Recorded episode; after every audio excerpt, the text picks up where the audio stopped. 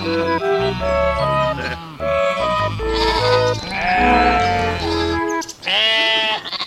Einar! Hej Anna! Nytt år, nytt poddår, eller hur? Det är det. Det är vinter på riktigt faktiskt för en gångs skull. Hur har ni det? Ja, nu är det kallt. Riktigt kallt. Vi skulle ju ha spelat in det här igår egentligen men eh, jag hade frusna vattenpumpar och annat elände här så att vi fick skjuta lite på det. Men eh, det är vi nog, det är vi nog inte ensamma om. Det är härligt med lite vinter men det är som vanligt eh, saker som går sönder. Ja, det är ju så. Men det löste sig. Det löser sig. Man får vara tusenkonstnär när man är fårbonde, så är det ju. Ja men så är det. Och nu ska vi eh, lyssna på Fårpodden nummer 17, eller hur? Men 17 har vi kommit fram till och idag ska vi prata pengar, ekonomi. Det är en fråga som inte har eh, varit så rolig att prata om på senare år, eller hur? Alltså, eh, det har ju varit svårt att, att få ihop en, en kalkyl, eh, lite mer seriös kalkyl när det gäller fårskötsel i, i, i många år egentligen. Men det är lite ändringar på det och det är lite därför vi tänkte att vi skulle ta upp det ämnet just idag. Eh, om man läser på, på sociala medier så, så finns det en del frågor som, som kommer upp. Jag tänkte jag skulle testa dem på dig nu Anna. Alltså om jag, säger, om jag säger så här. Hur många får måste man ha för att få lönsamhet? Eller hur många får måste man ha för att kunna leva på det? Det, det är frågor som man ser ganska ofta. Går det att svara på det? Nej, svaret som brukar komma från alla håll på de frågorna är väl det beror på och det beror på vad du vill göra och det beror på vad du har för får och din gård. Nej, det går inte att svara på de frågorna. Varför är det så svårt att svara på den frågan just när det gäller får? För att i många andra yrkes, eller i många andra kategorier inom lantbruket, om du ska satsa på slaktsvin eller kycklingar eller för den delen mjölkkor, då finns det ju massor med kalkyler och man kan få reda på precis vad allting kostar och vad det kommer stå på sista raden. Men så är det ju inte inom fårnäringen. Nej, det är inte alls så. Jag vet inte varför det har blivit så egentligen, men läget är ju i alla fall att fårnäringen är otroligt heterogen. Eh, Fårgårdarna ser väldigt olika ut. Olika typer av gårdar, olika typer av lösningar, olika sorters får. Man eh, står på flera ben ofta. Man producerar inte bara lamm till slakt, utan man Skinnen är viktiga, ibland är ullen viktig. Och livdjursavel. Nej, jag vet inte. Varför har det blivit så egentligen? Alltså det är ju så, det finns ju de som har 100 tackor och eh, får det att gå runt. Om man exempelvis eh, går högt upp i förädlingskedjan, man tar tillbaka kött och säljer lammlådor, man förädlar sina skinn, man förädlar sin ull och så vidare. Då kan man både få heltidssysselsättning och inkomst på det. Samtidigt så finns det säkert besättningar på 500 000 tackor som inte är lönsamma. Ehm, Så att det är som sagt det är väldigt, väldigt beroende på läget på den enskilda gården, vilka förutsättningar man har, vilken produktionsmodell man har. Så det är därför det är lite svårt. Ja, och ens egna intressen också, vad man tycker är... Det finns ju olika saker man kan tycka är roligt med fåren. De har ju många kvaliteter också. Ja, De flesta jag känner som lever på får, de har inte så jättemånga djur utan de, de har förädling istället och det, det är ju en produktionsform, det är en, en djursort som just passar sig bra om man vill göra olika saker och, och grotta ner sig i förädling. Och det, där passar ju fåren väldigt bra. Ja, en annan sak som är en stor fördel med fåren är ju också att man kan börja med mindre investeringar. Man behöver inte låna 10 miljoner och bygga grisstall eller 15 miljoner och bygga lösdrift till mjölkkor, utan man kan börja med befintliga byggnader, enkla lösningar och bygga upp det. Utan att ha så mycket kapital och man behöver inte köpa en färdig gård som, alltså det är ju inte lösbart för de flesta att köpa en, en gård för lånade pengar och sen bli bonde. Ja, men det är ju en stor fördel att man kan känna sig för och är det här någonting för mig? Är det här någonting jag tycker är roligt? Man kan börja i mindre skala, kanske i befintliga hus eller så. Och sen känner man att nej, men det här är någonting som jag skulle vilja satsa på. Och då kan man satsa lite större. Och då är det också en fördel att eh, det är ganska låga investeringar för att växa inom fårnäringen jämfört med många andra djurslag där stalllösningarna är mycket, mycket dyrare. Ja men precis. Och så kan man väl säga då att nu kanske är tiden man ska fundera på om man ska utveckla, skala upp, börja med får. För just nu så, så är signalerna väldigt positiva. Ja, det finns positiva prissignaler eller lönsamhetssignaler inom fårnäringen just nu. Det finns ju problemställningar också och det har vi tagit upp i andra poddar. Men just nu så finns det positiva signaler och det tydligaste är väl det att avräkningspriserna på lamm är all time high just nu. Eh, hela 2020 eh, var det priser som låg över det vi haft tidigare. Eh, många har kunnat sälja lamm för över 1000 kronor i snitt även under hösten. Och det var inte många, inte mycket slaktköer. Eh, och det finns ju några olika orsaker till det. En orsak är ju att det finns en efterblivande effekt från torksommaren 2018. Att det faktiskt finns brist på, på lamm. Men också det att efterfrågan på lamm hela tiden ökar och eh, den bristen som finns driver upp avräkningspriserna. Men eh, om, om vi ska se även på lite medellång sikt så finns det inget som tyder på att priserna skulle gå ner utan det är väldigt bra avräkningspriser på slaktlamm just nu. och efterfrågan är stor. Slakterierna skriker efter lamm och konsumenterna skriker efter lamm. Mm, mm. Vi producerar 30 procent ungefär av det lammkött som äts i Sverige här i Sverige. Det finns en väldigt stor potential att öka den svenska lammproduktionen och priserna är höga så att eh, det är ju bara att köra, eller hur? Ja men det tycker jag. Det är det det handlar om idag. Att eh, undersöka hur man ska tänka mm. när, man, när det börjar bli läge att fundera på att skala upp. Vi har ju vi har ju en del positiva signaler också från eh, företag som säljer fårinredningar och, och foder och tillbehör och sånt. Att de, de känner en ökad efterfrågan och en ökad investeringsvilja i fårnäringen just nu. Så det får vi ta som en, en positiv signal också. Mm, det är positivt. Men vi tänkte att vi ska ägna den här fårpodden åt att låta några personer med koll på det ekonomiska och berätta för oss hur man ska tänka. För den biten är vi inte alltid så bra på vi fårbönder, eller hur? Nej,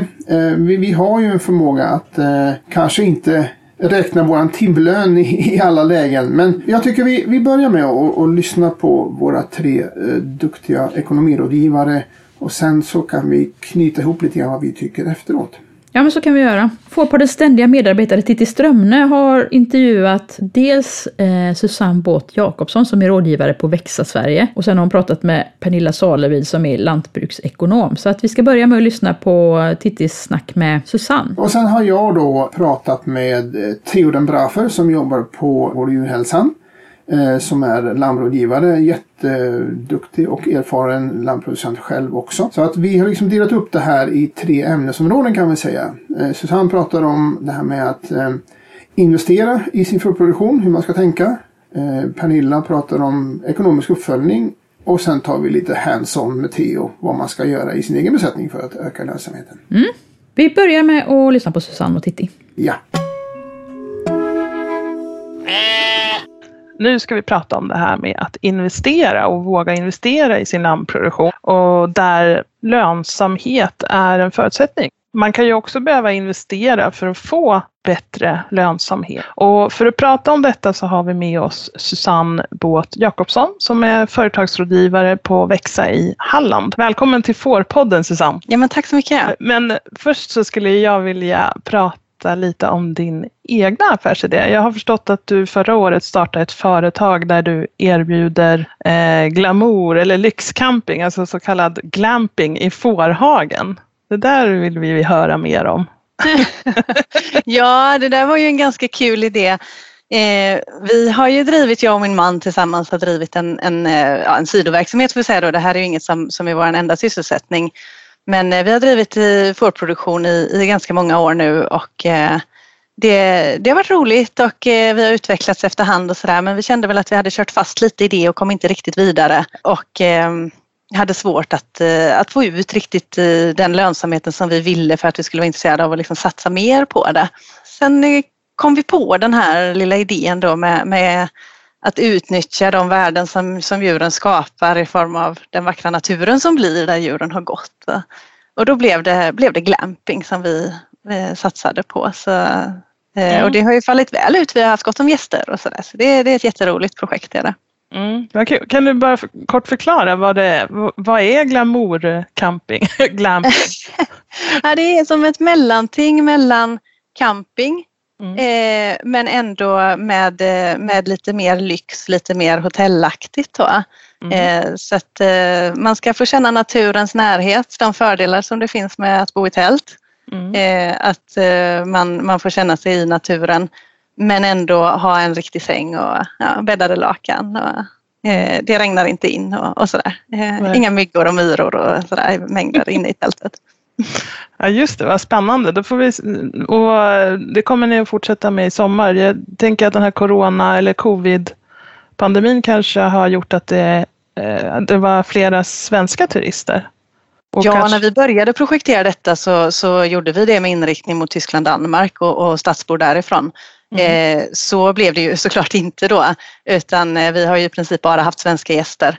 Eh, men, men eh, fortfarande rätt så mycket stadsbor. Det finns ett sug från stadsbor att komma ut på landet och ibland tror jag att vi som eh, bor på landet och verkar på landet är lite dåliga på att se vilka fantastiska resurser vi har. Och eh, vi behöver börja fundera över hur vi kan omväxla det i pengar. Vi mm. behöver ha intjäning på våra gårdar också. Det var väl det vi kände, vi ville liksom ha bättre intjäning på gården på något sätt. Eh, det finns en potential där tror jag för fler. Så det här var ert sätt att utveckla er affärsidé att förbättra lönsamheten på, på just er gård? Ja, just nu så blev det liksom ett sätt att utveckla ja. fårproduktionen lite. Ja, lite ja, ja men det är jättespännande att höra. Om man tänker då att man eh, vill investera i sin lammproduktion. Ofta är det ju en en byggnation som är de stora investeringen i, i lammproduktion. Eh, det kan finnas annat också om man ska köpa in mycket livdjur eller stängsel eller ja, maskiner såklart. Vad ska man tänka på där? Vad skulle ja, säga? man får ju fundera över hur mycket, hur mycket fasta kostnader som mina lamm tål. Eh, det är väldigt viktigt att ha, ha liksom skissat på en kalkyl på det för att eh, man har sina, sina rörliga kostnader. Det är framförallt foder och det är veterinär och det är olika program du ska vara med i. Det ska vara klippning och det ska vara öronmärken och, och allt det där. Det, eh, det, det liksom brukar folk ha ganska bra koll på. Men då behöver man nästan titta över en kalkyl och se att okej, okay, när jag har tagit mina rörliga kostnader, hur mycket pengar finns det kvar på varje lamm då? Eh, och det är ju det som ska täcka de fasta kostnaderna. Och de fasta kostnaderna för mig är framförallt kapital för byggnader och det är arbete. Men säg att man eh, eh vill bygga, man vill ha det mer lättarbetat, man har några år kvar i, branschen liksom eh, och ska bygga. Det är väl viktigt att visa att man har en lönsamhet i sin produktion för att överhuvudtaget eh, våga satsa eller kanske om man ska söka finansiering eh, och behöver ett lån.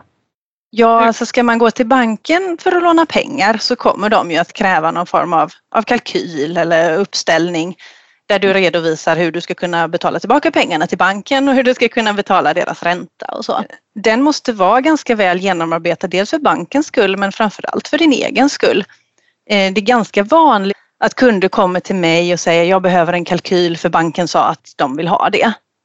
Eh, men jag skulle önska att fler kunder kom till mig och sa jag skulle vilja ha en kalkyl som hjälper mig att bestämma hur jag ska gå vidare och om det här är en bra idé eller inte. För i slutändan så banken får alltid sina pengar på något sätt. Men hur mycket pengar som blir över till dig som företagare och vilken risk du själv går in i det, det tycker jag är en viktig fråga som fler behöver ställa sig liksom tidigare i processen. Då. Vad är det som ehm, påverkar hur mycket jag kan investera per tacka då? Vi säga. Nu har vi pratat lite om de fasta kostnaderna. Eh, det jag ser när jag tittar på, på fårgårdar är att det, det kan se ganska olika ut. Det finns en stor variation mellan olika fårgårdar i hur man har sin drift, till exempel det här med vilken lamningstid man har och hur intensiv uppfödningsform man har eh, hur mycket stöd man eh, eh, baserar sin produktion på, alltså betesmarkstöd och så. Eh, och det där påverkar ganska mycket hur mycket intäkter man har per lamm. Och en del jobbar mycket med eh, skinnförädling till exempel, att, att skinnen är en viktig inkomst och så. Det finns en ganska stor variation inom, inom lammnäringen på hur gårdarna ser ut, nästan en, en större variation där än vad vi ser inom till exempel gris, alltså de flesta grisgårdar ser ganska lika ut och man har liksom en liknande intäkt eh, när man säljer sina grisar och sådär. Men eh, fåren är mindre standardiserade, det är mer spretigt och det är också ganska många som jobbar med egen marknad, köttlådor och den här skinnförsäljningen och kanske i viss mån ullförädling. Och så, så det finns liksom fler ben att stå på och så. Så var och en måste ju liksom göra sin egen hemläxa och titta på vad, vad har jag för olika intäktsposter? Var kan jag hämta hem pengar? På mina lamm och mina får och vilka, vilka rörliga kostnader har jag och, och även fasta kostnader som, som liksom ligger kvar sedan innan. Och utifrån det så får man ju någon känsla för hur mycket har jag kvar som kan gå till det här nya bygget. Mm. Det är svårare att titta på sådana här äh, färdiga produktionsgrenskalkyler som äh, en del företag tar fram, äh, Agriwise och Hushållningssällskapet och så. Jag upplever dem de är ganska, ja men som du säger, många fårföretag är väldigt olika och har olika förutsättningar och därmed helt olika ekonomi. Ja, det är, det är en ganska spretig kår av fårföretagare som ja. gör på massa olika sätt. Ja, så. så. det är svårt att titta på en fast eh, produktion som ja, men så, här, så här är ekonomin en höstlams, på en höstlamsgård. Ja, jag tycker det är väldigt viktigt att titta på sitt eget och sen behöver man ofta bryta ner det i någon enhet som känns eh, bekväm för en själv. Mm. Eh, och eh, ofta när man läser saker om får så räknar man per tacka. Mm. Eh, personligen så tycker jag att eh, tackor betalar ju inte räkningar utan det gör ju lamm. Eh, så jag tycker det är intressantare att räkna per lamm. Mm. och om man slår ut kostnader per lamm så kan det, det, det, kan vara en ganska intressant övning att göra och det ger ju en tydlig koppling till, för ofta så har du ganska bra koll på vad du får för intäkt per lamm när du säljer den till mm. slakt. Liksom, det här är intäkten per lamm. Mm. Men eh, då måste vi också titta på kostnadsbilden. Mm. Och ju fler lamm man lyckas sälja per tacka, desto bättre. Eller? Eh, kanske, men inte tvunget. Ja. Eh, det är klart att eh, själv då på min fårgård så har jag finullsfår och de är ju såklart suveräna på att spotta ur sig mycket lamm. Mm. Eh, men det kräver också väldigt mycket arbete mm. eh, under langningsperioden framför allt. Mm. Eh, det blir en hel del flasklamm och eh, de eh, är lite känsligare och växer kanske lite sämre också då. Mm. Så det är klart att det finns nackdelar med många lamm per tacka också. Mm. Eh, utan där måste man ju hitta sin produktionsform och liksom optimera det man har. Mm. Men i slutändan så är det ju lammen som betalar räkningar eh, och inte fåren. Så, att, eh, så det är klart att mm. ju mer lamm du får ut ur ditt system på ett effektivt sätt desto bättre är det. Mm. En del räknar också per kilo kött till exempel. Det är också ett bra sätt att räkna. Egentligen är det, ja, det. är det kanske ännu mer som gör det då. För det är mm. klart att det är ingen vits att du har massor med dåliga lamm. Nej. Nej, precis. Så hitta sitt optimum där vad gäller om man räknar per lamm. Då. Det är ett bra tips. Nej, men vi kan ju komplettera det här med byggkostnaden, mm. tänker jag. Man kan ju koppla byggkostnaden till olika produktionsnivåer och, och se beroende på hur mycket ett bygge kostar. Mm. Vad blir då kostnaden för bara bygget per lamm? Och om vi säger att eh, som ett exempel då att eh, du bygger ett stall och du lägger 4 000 kronor per tacka på stallet och så kan du producera 1,6 eh, lamm per tacka. Mm. Då har du en kapitalkostnad på ungefär 200 kronor per lamm. Och då får du ställa det i relation till dina övriga kostnader och vilka intäkter du kan få på lammet. Så, så sådana där räkneövningar kan man ju göra och titta på olika varianter Eh, hur, hur det slår beroende på hur produktionen ser ut och vilken byggkostnad man lägger. Och det här med kapitalkostnad sa du nu.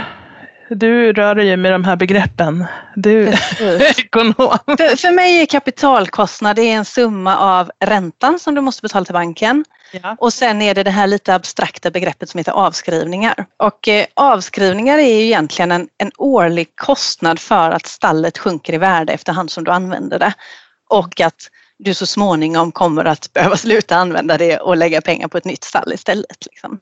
Mm. Eh, så man kan säga att eh, och i, i bästa av världar så ska avskrivningarna ungefär matcha den amortering du har, alltså avbetalningsplan du har gentemot banken. Då.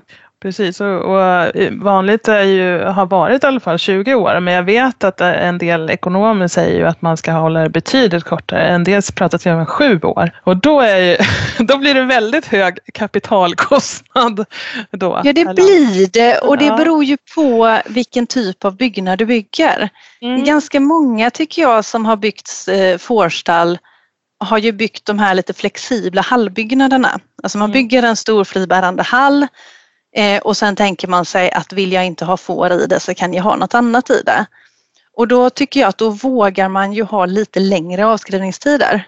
För en hallbyggnad är ändå på något sätt alltid en hallbyggnad och eh, det brukar normalt sett gå att generera en intäkt där. Du kan peta in husvagnar eller du kan hyra ut den till någon, till en maskinhall eller sådär. Mm.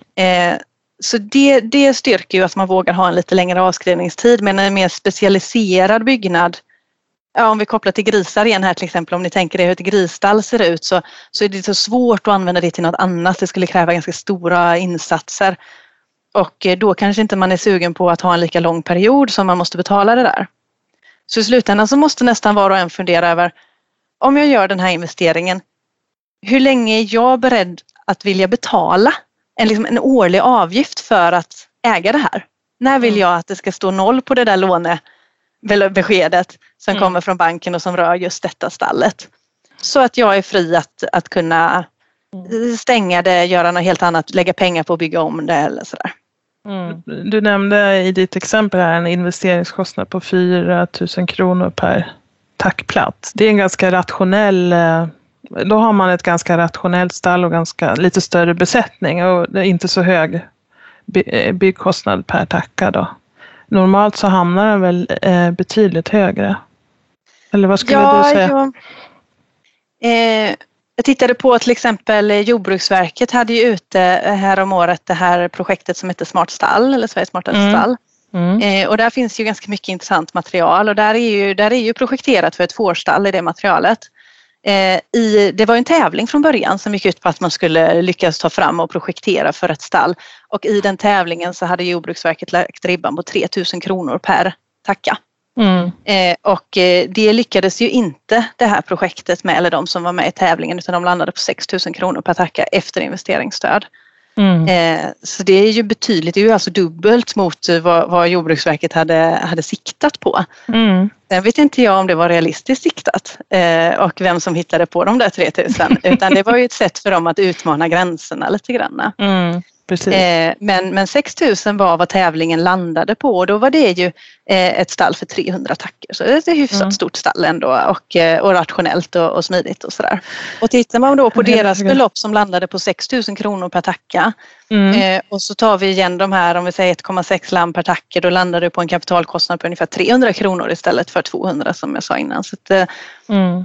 Eh, där kan man ju också leva med, med, leka med siffrorna lite grann och se hur Mm. det hoppar då. Att du gör det i, i det exemplet en hundralapp per lamm. Mm. Eh, per år. Och det är eh, intressant. Du nämnde det här med att det var eh, en investeringskostnad efter att man har tagit bort investeringsstödet. Och, och investeringsstödet det kan täcka upp till 40 procent av kostnaden. ja det kan det. Det här är ju länsspecifikt så det kan se lite Mm. olika ut beroende på var du bor, vilka belopp du kan få. Men, Mm. men 40 procent upp till ett takbelopp. Mm. Eh, så att eh, det beror lite på hur stort stall du bygger. Eh, här i Halland där jag verkar så är, är takinvesteringen 3 miljoner och då kan man då få ut 1,2 miljoner i stöd. Mm. som mest. Men det ser olika ut så det måste man kolla med sin egen länsstyrelse. Precis, och nu är vi ju i en övergångsperiod här i och med att den nya eh, den nya eh, CAP-perioden som ska ta vid, som skulle ha tagit vid nu vid årsskiftet, den är ju framskjuten två år så det är någon slags övergångsbudget nu har jag förstått. Det kommer nya pengar för investeringsstöd här under våren. Eh, antagligen kommer vi få besked om det redan i, i februari, kanske mars. Mm. Eh, vilka belopp det kommer handla om och så. Men det ser ut som att det kommer skjutas till eh, en hel del pengar för de här två åren. Så där är ju flera län som har haft slut på eh, i sina potter så det har inte gått att söka nya investeringsstöd. Eh, och det är mycket möjligt att eh, det kommer gå eh, att söka nu då. Ja, det Och, låter ju eh, positivt. Och jag skulle säga att har man tankar på att bygga nästan redan när man, när man börjar tänka så ska man Mm. skicka in sin ansökan om investeringsstöd. Mm. Eh, vänta inte för länge. Det går alltid att dra tillbaka en ansökan om man ändrar sig och bestämmer sig för att inte bygga. Eh, det går att dra tillbaka en ansökan och sen skicka in en ny igen eh, och så vidare. Men det är ofta i många län så har det varit långa kötider, långa handläggningstider. Eh, och, och, och när jag säger långa så menar jag verkligen långa. Alltså i, i Halland som kanske är ett av de sämsta länen i och för sig i klassen just nu eh, så kommer man nu under våren att börja handlägga de ansökningar som är skickade, inskickade andra halvåret 2017. Oj, jaha. Så det är år. flera års väntetid alltså innan man får veta någonting på en ansökan man har skickat in. Mm. Mm. Eh, så, så vänta inte för länge utan Nej. peta in de där ansökningarna. Eh, man behöver inte göra dem kompletta, man kan bara skicka in någonting så länge så att det finns någonting. Bra tips då. Eh, för att det gör ju en väldig skillnad i, i kalkylen om man får 40 procent av investeringskostnaden. Ja men det är klart, det gör jättestor skillnad och många, många investeringar som görs för får når ju inte ens upp i taket kanske utan för, för att eh, det är klart att gör du väldigt dyra investeringar så ja, Mm. någon miljon är fortfarande en miljon men det gör mindre skillnad i kalkylen ju större bygge du gör. Men många som bygger för får så är det ju lite mindre investeringar. Då kanske man håller sig under de där tre miljonerna eller den storleksordningen som det är i många län. Mm. Och då är det 40 procent så det gör ju jättestor skillnad. Och kan Ja. vara helt avgörande för om man vågar satsa eller inte. ja, men det var positiva besked att det åtminstone fylls på lite i den penningpotten då, så att vi har en chans till eh, delfinansiering kan man väl se det som. Eh, Absolut. Och många, många av er som håller på med får då, Mm. eh, jobbar ju med betesmarker och naturbetesmarker och så. Det är ju sånt som kan ge extra poäng i ansökningarna. Det rankas utifrån ett poängsystem. Så att, eh, jag Mm. ser ganska goda chanser till att kunna få eh, för investeringar just, just får av den anledningen. Mm. Är det något mer som du vill eh, tillägga här i, på det här ämnet som vi är inne på här nu? Ja, men jag tycker att eh, det, det har ju varit tajt med lönsamheten på många fårgårdar. Det, eh, det är inte helt enkelt att få ekonomi i lammproduktionen och eh, ofta kräver det att man har någon, någon form av, av strategi runt det. Alltså, eh, och det är kanske därför också det här vi pratar om att, att fårnäringen är ganska spretig och många gör på olika sätt. Alla försöker hitta sin, sin väg att gå då och det, och det är olika typer av mervärden i, i betesmarker, i skinn, i i köttlådor och så vidare. Eh, Så att eh, man är väldigt kreativ med att komma på olika lösningar och eh, en del är mer framgångsrika och en del mindre.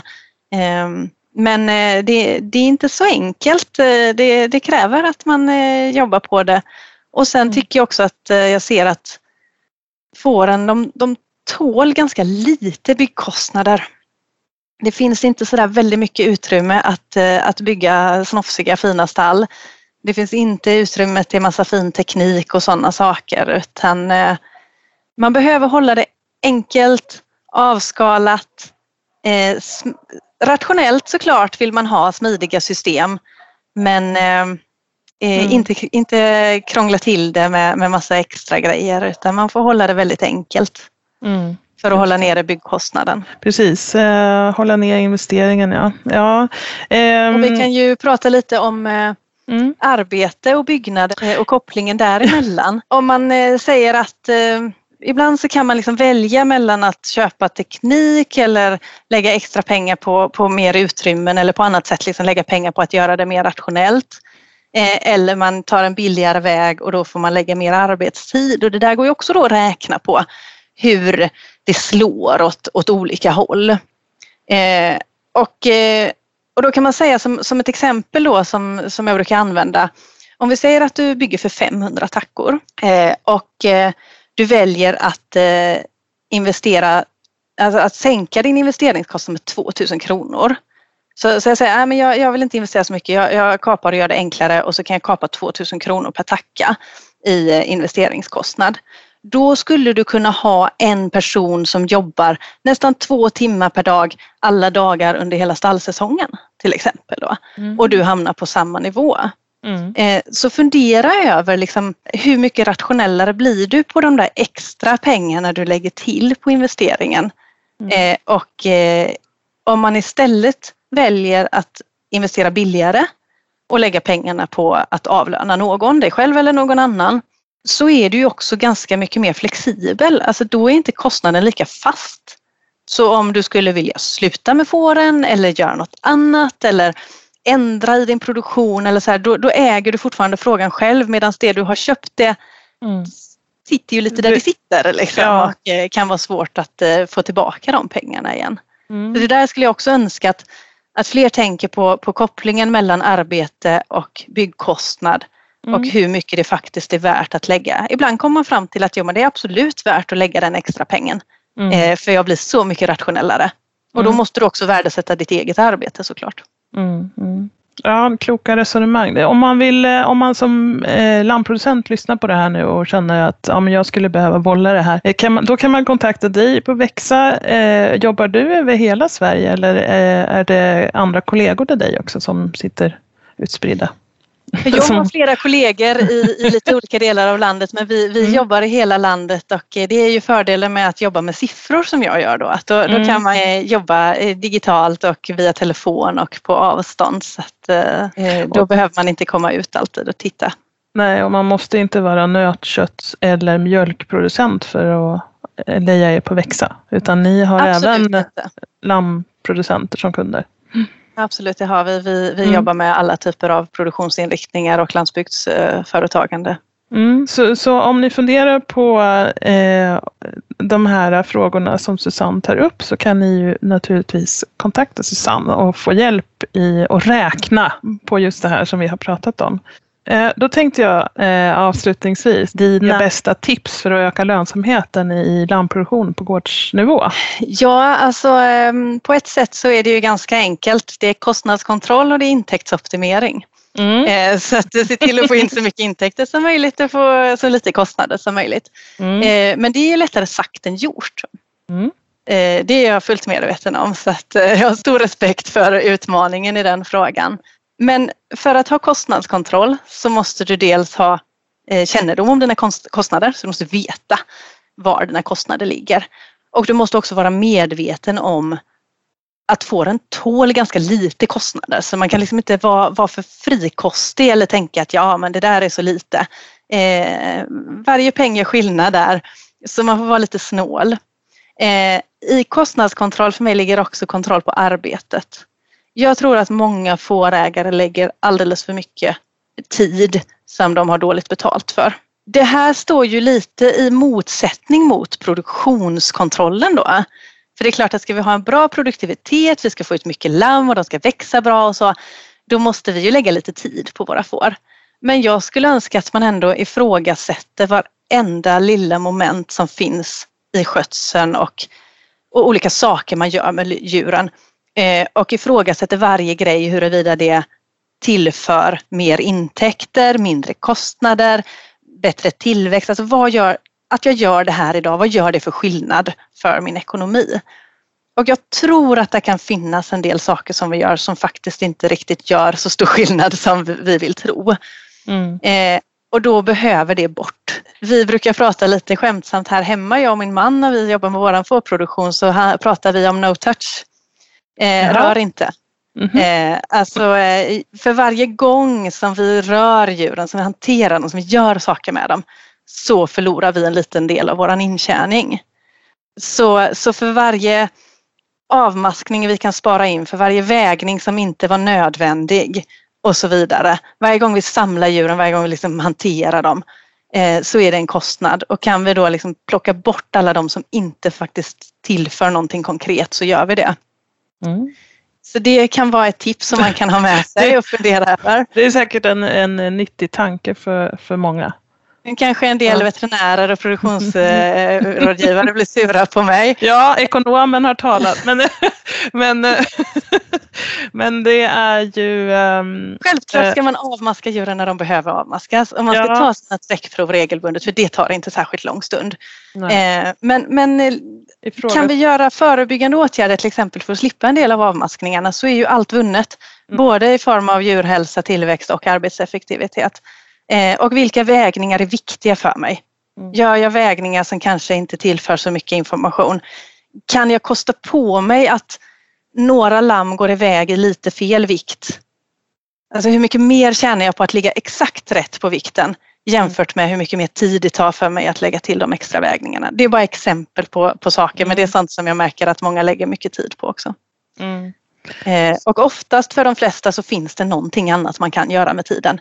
Även de som, som livnär sig på fåren som sin huvudsyssla har ju oftast någonting annat man kan ta i också liksom, som, som kanske kan generera en bättre intäkt. Mm.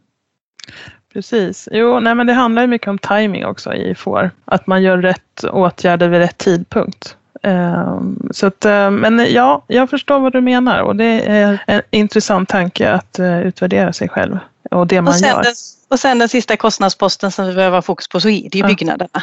Och det här ja. att få tål inte så höga byggnadskostnader. Så att uh, mm. ska man bygga så behöver man även där vara, vara lite snål och, och verkligen vända och vrida på det flera, flera varv mm. för att pressa det där neråt. Och nöj dig inte med första bästa offert Utan se dig om efter andra lösningar, fler alternativ, olika sätt att göra på, ta in fler och fler offerter. Eh, så, så kommer man antagligen att hitta en billigare lösning till slut än vad man kanske mm. först tänkte sig. Du nämnde det här med att få så mycket intäkter som möjligt. Har du något ja. konkret tips där då? Titta på marknaden och konsumenten och kunderna vad de vill ha. Ni som vänder er direkt till konsumenterna har kanske ofta en ganska bra koll på detta för det, det faller sig naturligt eh, och då har man liksom en tät dialog med sina kunder, man träffar sina kunder och så. Men även de som, eh, som väljer att sälja till ett slakteri behöver ju ha koll på vad som efterfrågas och eh, den bästa kollen av det får man nästan genom slakteriet. Så ta reda på ordentligt. Läs, eh, de flesta slakterier skickar ut information om vad som efterfrågas hos dem, vilka tider de vill ha in lamm och så vidare. Läs det här noga, förbered dig noga, prata med uppköparna så att du kan optimera din produktion utifrån när slakteriet har bäst potential att kunna betala bra för dig. Och att lammen ska ska vara rätt lamm utifrån vad de vill ha in då. Så där måste man liksom ha en dialog och det kan se olika ut på olika ställen så att eh, alla ska inte producera samma lamm tvunget utan vissa slakterier vill ha en viss kvalitet och någon annan vill ha ett annat. Och sådär. Mm. Mm. Eh, sen är det ju de andra intäkterna och kan vi hämta in pengar från flera olika håll.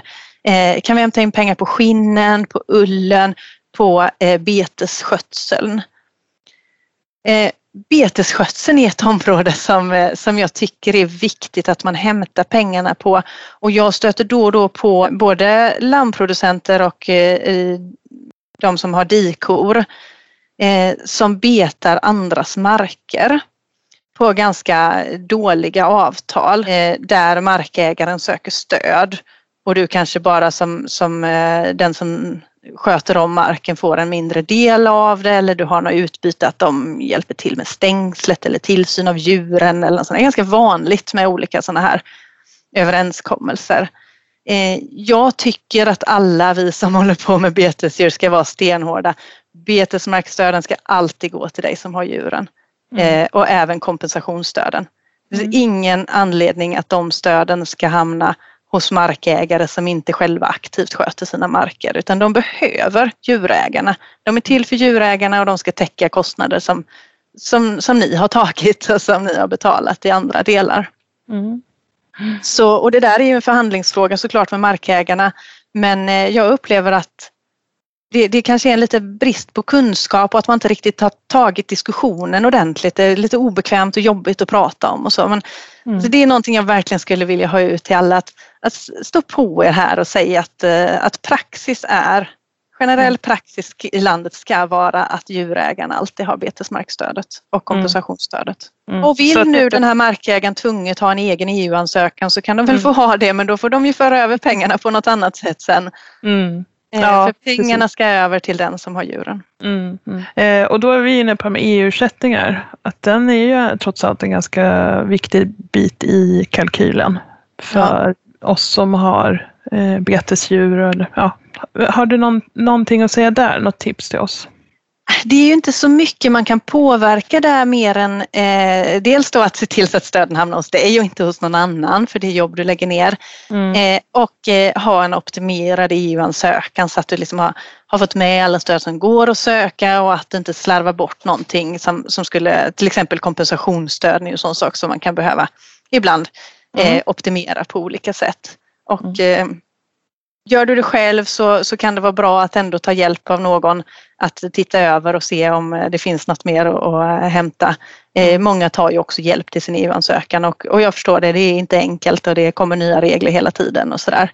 Och i den hjälpen har man oftast en försäkring också som mm. täcker för om något blir fel för det kan ju bli ganska dyrt. Jättebra, det var intressant att prata med dig Susanne. Tack så jättemycket för att du ville vara med i Fårpodden. Tack så mycket för att jag fick vara med, det var jätteroligt. Mm. Det är alltid nyttigt att eh, ifrågasätta hur man gör saker och ting och kanske tänka på saker på lite nytt sätt. Och det tycker jag att jag fick till mig lite grann efter Susannes prat här när hon har mer ett, en ekonoms eh, blick på lantproduktionen än kanske en, en produktionsrådgivare. Det här med no touch tyckte jag var lite intressant, eller hur? Jag studsade också lite när jag hörde det där. Mm. För att det går ju emot det vi brukar höra och det vi brukar säga. Visst gör det? Ja, så är det ju. Vi ska ha bra koll, vi ska väga våra lamm jättemycket, vi ska hullbedöma, vi ska göra massa saker. Men jag tror faktiskt att det kan vara nyttigt ibland att vända på begreppen också. Det kan vara en verklighet som kanske är lite långt ifrån många fårbönders tankevärld, men jag tror att det kan vara väldigt nyttigt att, att tänka så ibland. Ja. Jag tror också man kan tänka på att jobba lite mer effektivt. Att kanske hitta, hitta arbetssätt som gör att man gör saker på lite snabbare och effektivare sätt än att bara göra det som man alltid har gjort. Men som sagt var, alltid nyttigt att försöka titta på en sak från en ny synvinkel. Ja, absolut.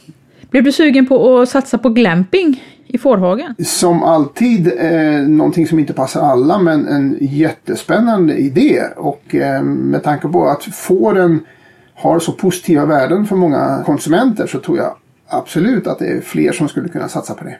Ja, alltså det, det, är ju så fårnäringen fungerar att de kreativa lösningarna är många och de är olika. Eh, vilket, vilket ju må på många sätt är fårnäringens charm också. Jag kommer att tänka på inslaget i Fårpodden nummer 9 där vi pratade med Östre Fårfarm som blev årets fårföretagare 2019. Just det. De gör ju massa olika saker mm. för att tjäna mer pengar på sin fårproduktion. Ja, de är ju det perfekta exemplet på det vi pratar om idag egentligen. Att, att uh, utnyttja all potential som finns i fårnäringen till att ja, göra positiva saker och göra pengar. Ja, de är jätteduktiga på det. Så blir man sugen på att höra mer sånt så kan man lyssna på den fårpodden. Rekommenderas. Ja. Vad händer nu då? Nu ska vi lyssna på Pernilla och Titti som djupdyker i eh, ämnet ekonomisk uppföljning. Mm. Det är väl något som vi flesta ägnar mycket tid åt, eller? Eh, jag skulle vilja påstå att det är någonting som de flesta av oss borde ägna mer tid åt. Nu poddlyssnare så ska vi eh, prata om det här med att hålla koll och hålla koll på sin ekonomi i sin lammproduktion. Och för detta ämne så har vi bjudit in Pernilla Salevid. Eh, du är agronom och du har en en lång erfarenhet av just det här med ekonomiuppföljning på, ja kanske framförallt nötkötts och mjölkgårdar men även lammgårdar. Eh, du har ju själv varit lammproducent och aktiv i Östgötalam, eller hur? Ja, precis. Ja. Och eh, även i de tidiga åren i aktionskommittén för Linköpings baggaktion. Eller hur? Det ja, har jag för mig att du har nämnt. Ja. Eh, och eh, du driver en nötkötts och skogsgård med din man utanför Kisa. Precis, så är det. Och vi ska ju prata lite om det här med eh, nyttan att hålla koll på sin lammproduktions lönsamhet. Mm. Eh, och då är jag nyfiken att höra vad skulle du säga är fördelarna med att lägga energi på ekonomiuppföljning? Vad är nyttan?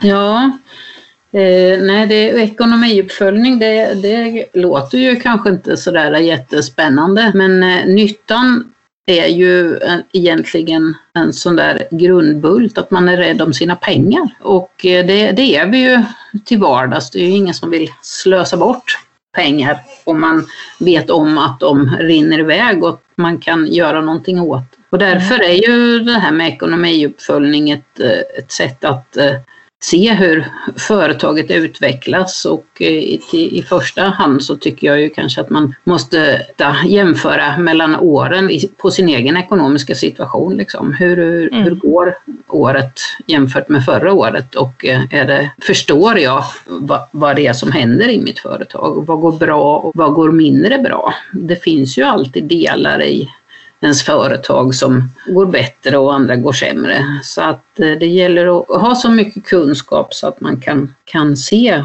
hur de olika åren går. Så att man har koll hur trenden går på utgifter och inkomster där.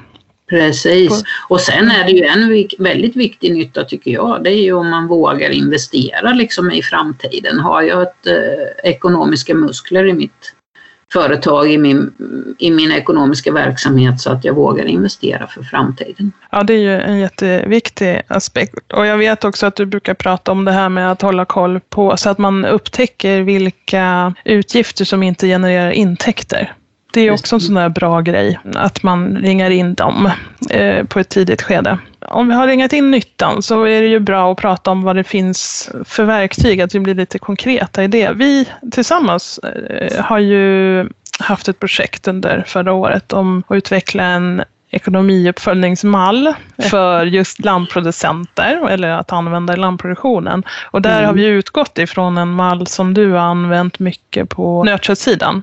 Mm, mm. Eh, kan inte du berätta lite mer om det? Tanken bakom den här eh, ekonomiuppföljningssystemet det är ju liksom att man ändå gör en resultaträkning för sitt skattebokslut. Och kan man liksom inte använda den resultaträkningen till något eh, till något mer. Inte bara räkna ut hur mycket skatt jag ska betala utan även att se trenderna i mitt företag. Så att utgångspunkten är den bokförda resultaträkningen eh, och att vi eh, matar in den i en i en mall eh, och i den mallen så kan man då jämföra två produktionsgrenar plus en övrig kolumn. Så man delar egentligen upp resultaträkningen i två eller tre områden och så man väljer lite själv. Och eh, har man lammproduktion så är ju oftast eh, konventionell lammproduktion kanske den ena utav de här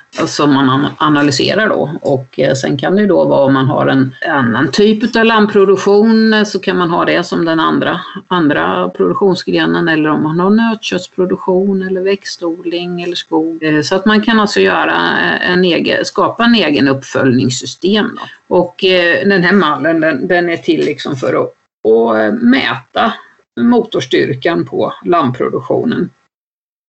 Och tanken är ju att i första hand är att, att man gör den på sin egna gård och man jämför sig själv mellan åren och man på det viset plockar fram lite nyckeltal hur motorstyrkan är helt enkelt. Mm. Just det. Ehm, och eh, vi testade ju den här modellen. Dels eh, vi rådgivare som var med i projektet men vi, hade, vi provade den också på lite andra lammgårdar. Alltså siffror, det är ju inte alltid roligast. Nej.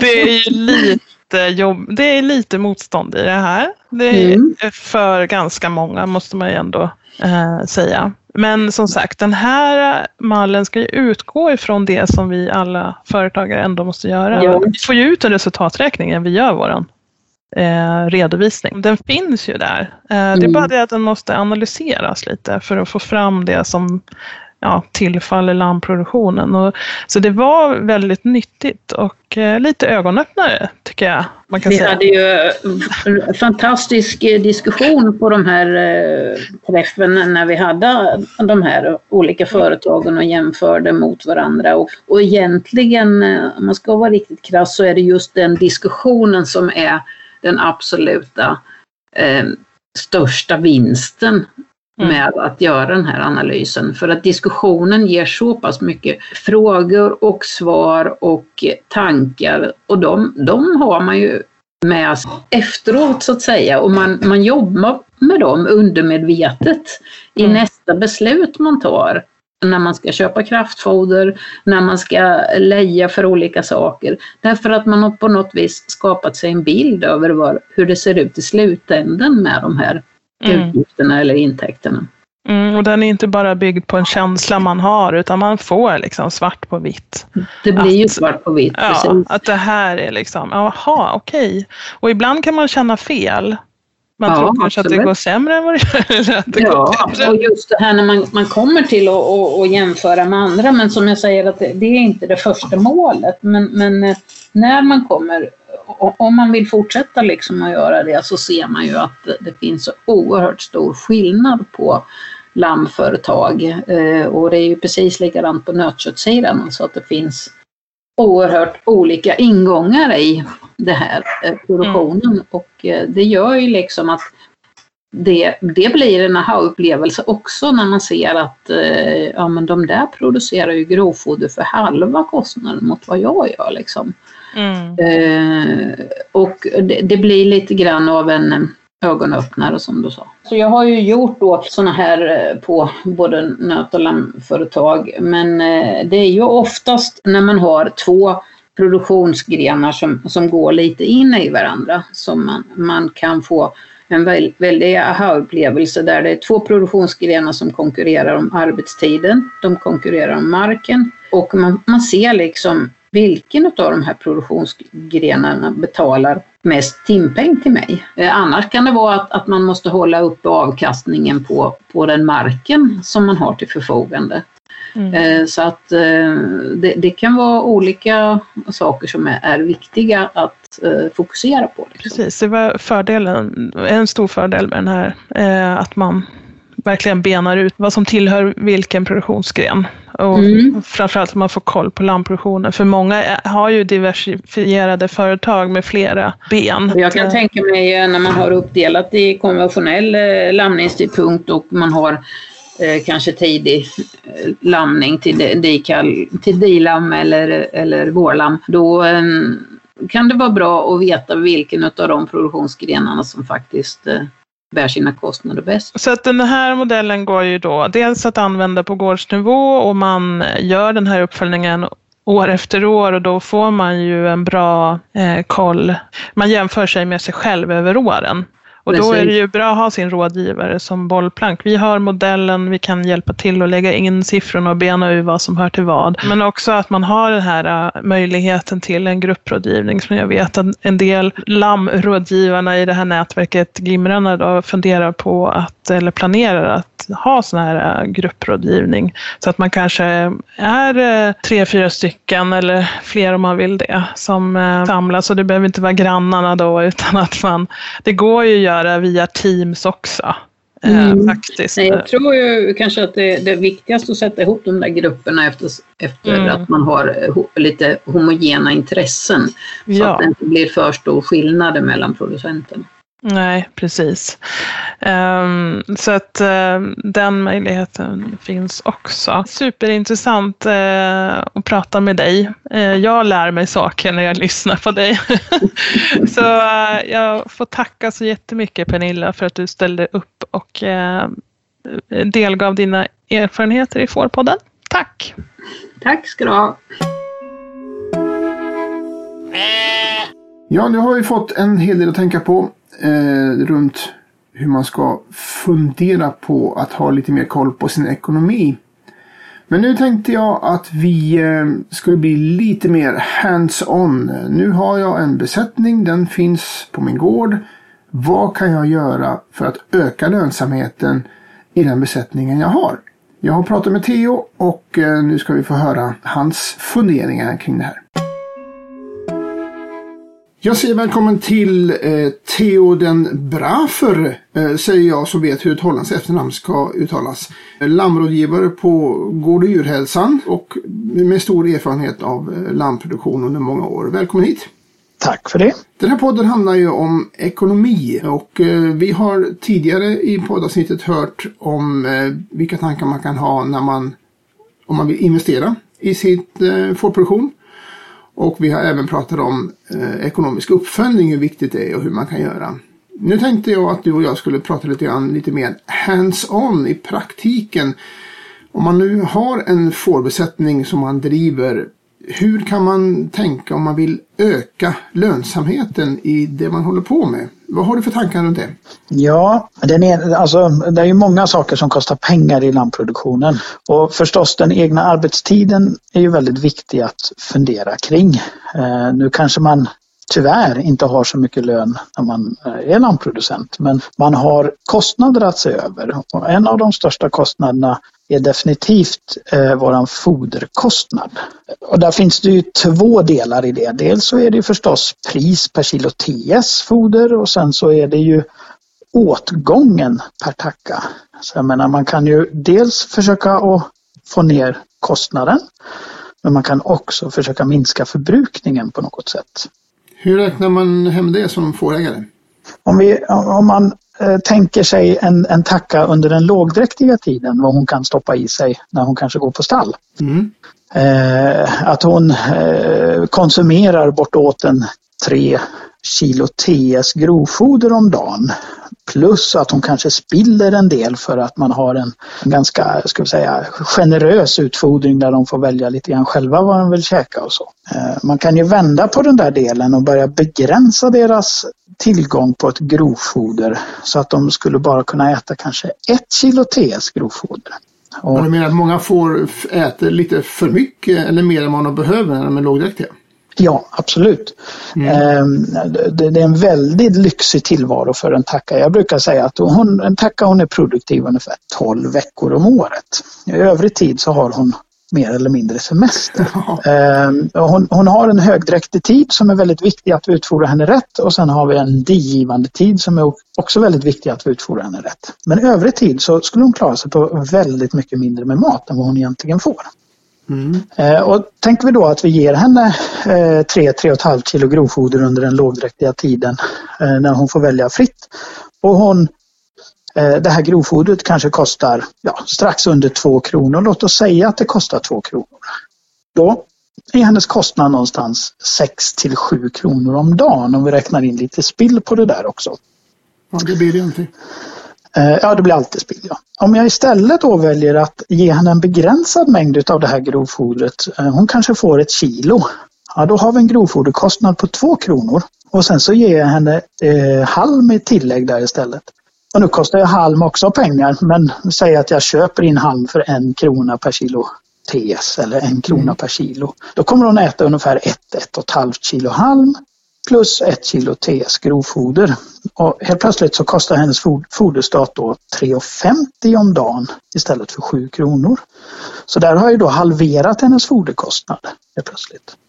Kan man säga då att man kan räkna hem det antingen till att det ensilage man har räcker till fler tackor eller så kanske man kan sälja lite ensilage istället? Ja, det kan man ju göra. Eller så kan man ju, eh, om man nu inte har så mycket djur så kanske man ska överväga att inte producera sitt egna grovfoder överhuvudtaget. Mm -hmm. Hur tänker du då? För jag menar, om jag, klar, om jag klarar mig helt plötsligt med en tredjedel av mitt grovfoder eller låt oss säga hälften av det jag använder idag. Och då kan jag ju köpa in en högkvalitativt grovfoder och de marker som jag själv kanske har eh, producerat grovfoder på tidigare ja men det kanske är så att det ska arrenderas ut till någon som är väldigt skicklig på att vara växtodlare. Någon som är bättre än vad jag är alltså på det? Ja, precis. Ehm, jag kan ju säga generellt så tycker jag väl att fårägare överlag inte är så duktiga på att sköta eh, växtodling. Det är inte där ens huvudfokus ligger och, det syns ju oftast för det kommer oftast någonting annat emellan när jag egentligen skulle ha skördat eller mina maskiner kanske inte riktigt är helt up to date så att jag får spendera mycket tid med att reparera när jag egentligen skulle varit ute och pressat eller slagit gräs. Mm. Så att, att överväga att köpa in sitt grovfoder det tycker jag är, är, skulle vara intressant för många producenter. Ja, det kan ju kännas som en radikal tanke för många men självklart så är det väl alltid bra att låta dem som är bättre än en själv att göra de sakerna. Ja, ja men absolut. Jag menar, värdet på marken ökar ju högst betydligt om, om det blir en rejäl avkastning per hektar och, och jordarna gödslas och sköts mm. och, och eh, görs på många olika sätt. Då, va? Det blir en viss skillnad. Alternativet kanske är att eh, ens mark, man kan ha fler tackor på sin mark om man samtidigt köper in grovfoder från någon annan. Ja, det är ju mer lönsamt att beta en mark. Eh, där finns ju oftast lite bättre eh, stödmöjligheter att få på bete än på vanlig växtodling. Mm, mm. Eh, och då ökar jag ju mina inkomster också på, från stödsidan så att säga om jag kan beta en större areal med ett större antal med djur. Mm.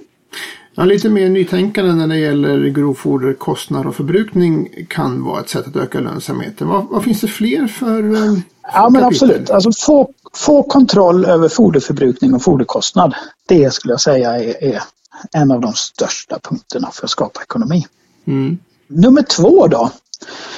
Eh, ta vara på lammens tillväxtpotential, brukar jag säga. Eh, få dina lamm att växa tidigt. Se till så att tackan mjölkar det hon ska så att lammen verkligen kommer igång snabbt och börjar att växa. Eh, se till så att lammen har möjlighet att äta mer mat utöver den mjölk hon får av tackan, alltså ha en lammkammare. Och då inte bara på stall utan en lammkammare som även finns på bete. För kan vi, kan vi få igång lammen snabbt och vi kan bibehålla deras tillväxt, ja, då är de fenomenalt duktiga på att, ska vi säga, skapa tillväxt på en väldigt liten mängd med foder. Men alltså om, om lammen får äta kraftfoder under hela sin levnad, blir inte det väldigt dyrt?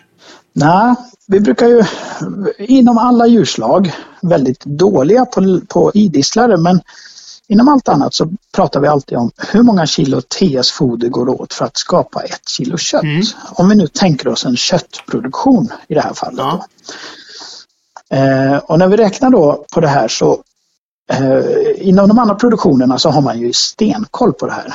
Eh, tittar vi på lamm och idisslarsidan så är vi inte, vi, vi funderar inte så mycket över det här i Sverige men utomlands så gör vi. Jag kan säga att ett lamm som växer ganska bra eh, kanske ligger runt 300-350 gram i tillväxt under dess levnadstid. Det kommer att förbruka någonstans 10 kilo TS foder per kilo kött. Och foder är liksom allt foder ihopräknat då?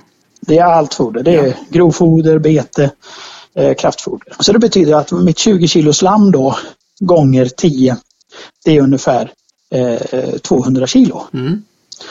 Om vi då säger att det här är en, en, snittkostnad på det här fodret som ligger någonstans runt, ja, säg 1,50-2 kronor. Då är vi alltså på Ja, vi hamnar på ungefär 400 kronor. 400 kronor per lamm. Okay. Om vi då tänker oss motsatsen, att vi har ett lamm som inte växer så bra.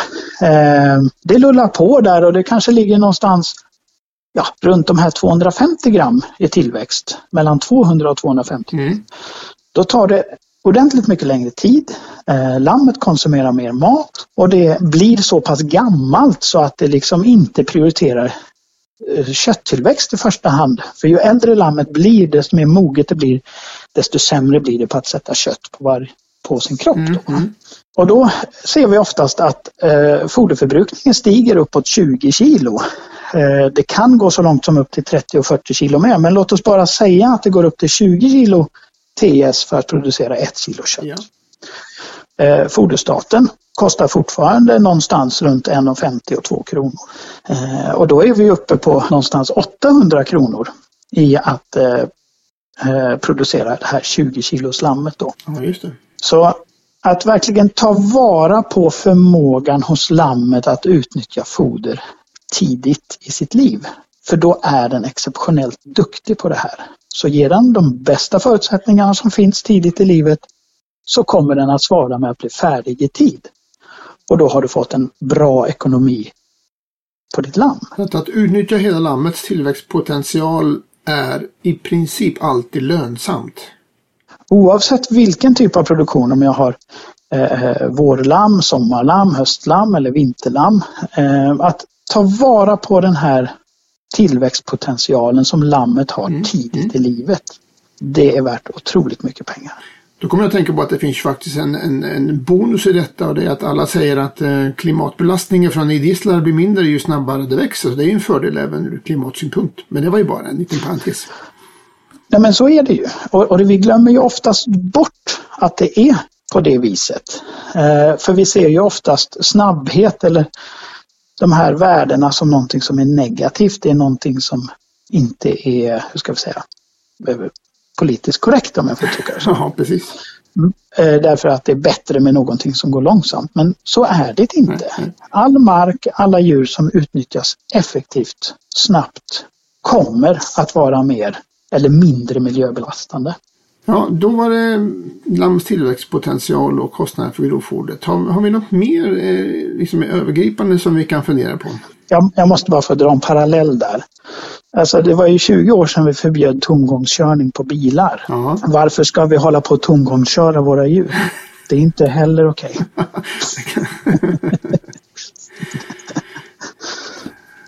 Okay. Nu tillbaka till det du sa. Ja, då har vi tittat på, på två områden där man kan förbättra sin lönsamhet i sin besättning. Finns det något, något mer generellt område där man kan fundera på hur man kan förbättra sin lönsamhet? Alltså, det handlar ju om att träffa marknaden i rätt tid. Alltså mina lamm ska komma ut på marknaden i den tid som jag har planerat för. Oavsett om jag har planerat för att de ska komma ut i, i, på marknaden i juni eller i augusti eller i januari så ska jag se till så att mina lamm verkligen hamnar där jag har tänkt. Och det här är ju, dels så kan vi bara se över hur lammarknaden ser ut så vet vi att det Det är bäst betalt eh, sen vår, tidig försommar. Mm. Då har vi högsta värdet. Eh, och det lägsta värdet, ja men det har vi sen höst. Eh, oktober, november. Kanske värst i november. Men det måste man ju också koppla till vilka kostnader man har för att få färdig lammet till de tidpunkterna. Ja, det ska man göra och det finns ju i min ekonomiska, hur ska vi säga, det ligger ju i min företagsidé på min lammproduktion. Ja. Men det viktiga är ju att jag har satt mig, om jag nu har satt mig för att mina lamm ska vara klara i till exempel augusti. Om de lammen inte är klara till augusti, om jag har en svans på 20 procent av mina lamm som inte är klara där utan de behöver ha ja, två månader till. Då har ju då har ju inte bara, ska vi säga, eh, kostnaden för att få fram de här lammen stigit två månaders utfodring. Utan priset har ju dessutom gått ner kanske 10-15 procent. Kan man säga att själva affärsidén har fallit då?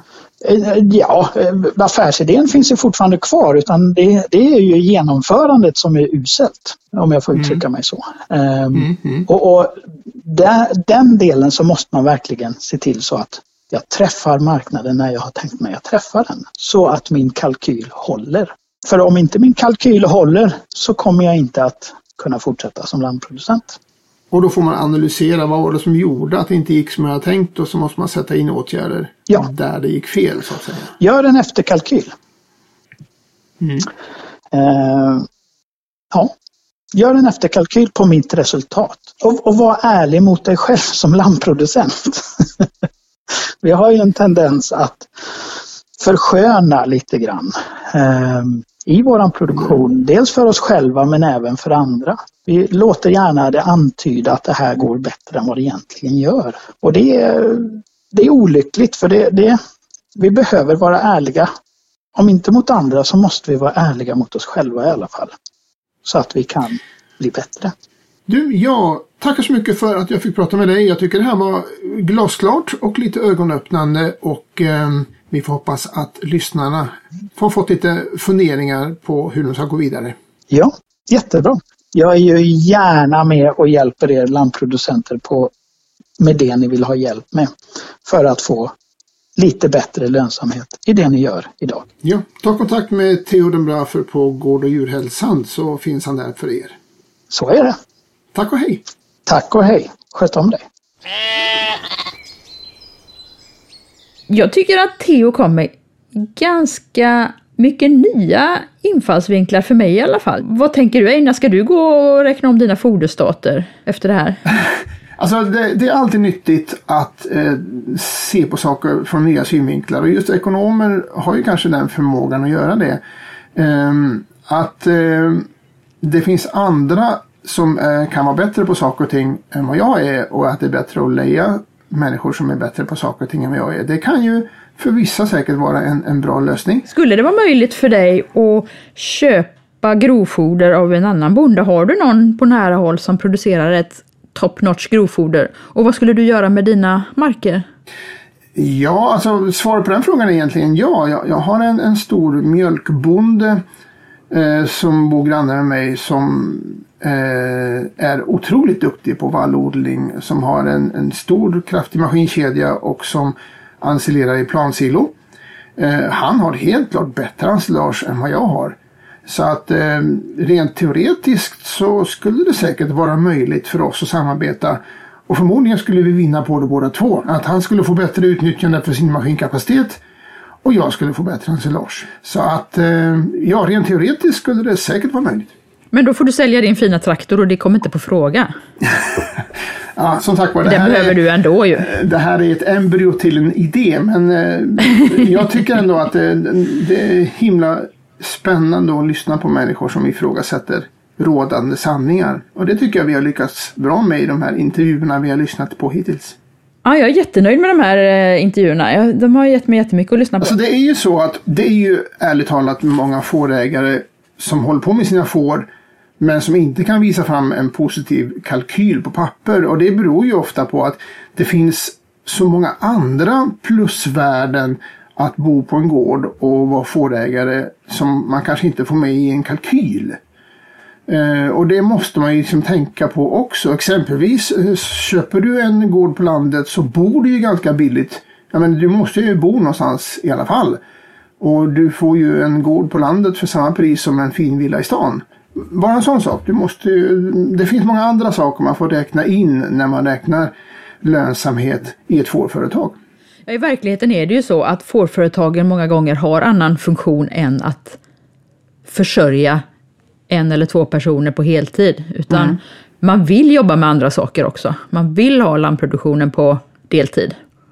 Ja, åtminstone så är det ju de allra flesta börjar så. Men eh, jag skulle ju gärna se att några av de här halvhobbyfårägarna faktiskt tar steget och blir professionella fårägare. För det, det, behöver vi i Sverige. Vi behöver fler får, vi behöver mer lammkött, vi behöver fler betande mular. Och det vore ju bra för branschen om vi fick lite fler heltidsfårbönder också. Ja men verkligen, det skulle ju driva branschen. Mm. Och eh, det skulle säkert finnas fler fårgårdar än 8000 om det var lite lättare att tjäna pengar på dem. Så vi måste ju hoppas och jobba för att det ska gå åt det hållet. Just precis nu har vi en negativ trend både i antal fårgårdar och i antal får i Sverige och det är ju väldigt oroväckande.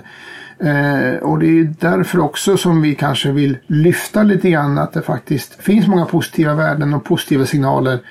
Så att eh, om man vill satsa på får och gör det på ett seriöst sätt så, så finns det möjligheter att göra det. Och vi ser det jättegärna att några fler också gör så. Mm. Då eh, känner jag att vi börjar närma oss slutet på 2021s första fårpodd. Det kommer fler längre fram i år. En massa intressanta ämnen. Eh, vi som har gjort fårpodden idag, ja, liksom alla andra fårpoddar. Eh, det är jag som heter Einar Witt och Anna Bergström. Och våran eh, ständiga medarbetare Titti Strömne som är lammrådgivare i sitt företag Glada Fåret. Eh, om du vill oss någonting, om du vill komma i kontakt med oss så finns våra kontaktuppgifter på eh, Fåravelsförbundets hemsida. Och eh, lyssnar du på den här podden via någon annan poddleverantör eh, så kan vi nämna att på Fåravelsförbundets hemsida på poddfliken där så finns en massa intressanta länkar. Om man är intresserad av de ämnen vi pratar om så länkar vi till en massa annan intressant läsning och lyssning. Så där finns mycket mer att hämta. Japp. Vi, vi säger tack för idag. Ja. Vi hörs snart. Det gör vi. Hej då. Hej då. Yeah.